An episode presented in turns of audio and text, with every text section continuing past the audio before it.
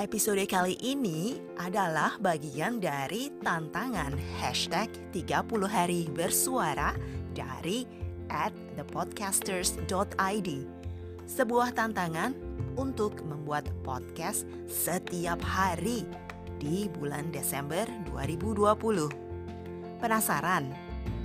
Yuk ikuti dan dengarkan podcast Has To.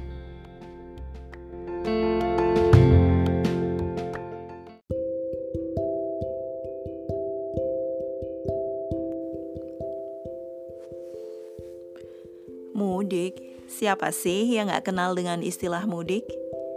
Pasti kalian para perantau familiar nih dengan istilah ini.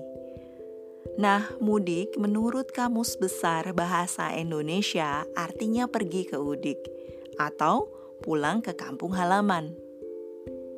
Kebiasaan mudik ini biasa dilakukan setahun sekali saat libur keagamaan seperti Idul Fitri, Natal, Imlek, dan hari raya lainnya.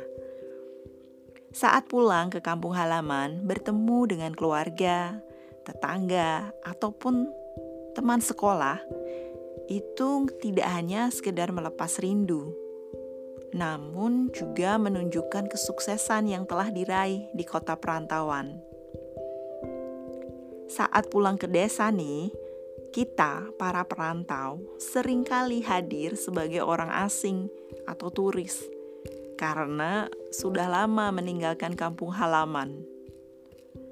Bahkan para perantau rela untuk menghabiskan waktu di kemacetan hanya demi pulang kampung untuk melepas rindu membawa oleh-oleh khas kota perantauan untuk dibagikan. Memang seru sekali ya kalau diingat bagaimana kita berinteraksi dan menikmati momen kebersamaan yang langka. Nah, hal seperti inilah yang menjadikan mudik itu spesial. Dan tradisi mudik ini tidak ada di negara lain, hanya di Indonesia.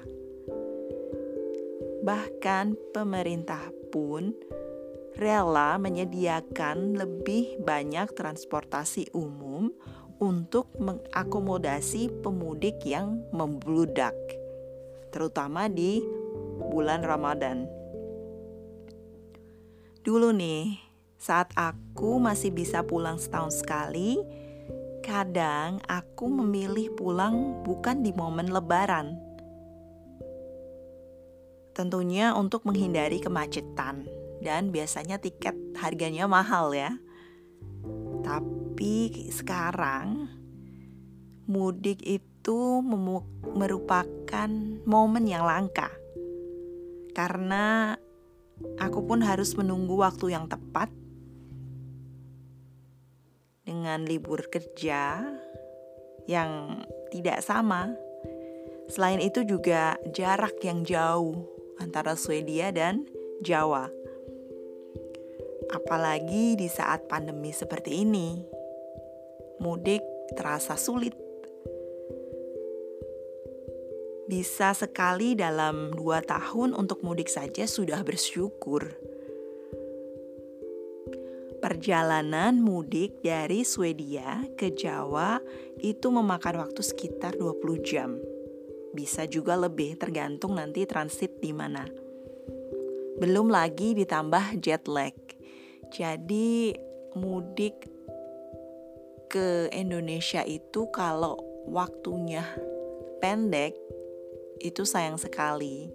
Jadi lebih baik mudik lebih dari dua minggu, jadi sekitar sebulanan. Nah, walau jauh dan memakan waktu, siapa sih yang gak senang untuk bisa mudik melepas kerinduan?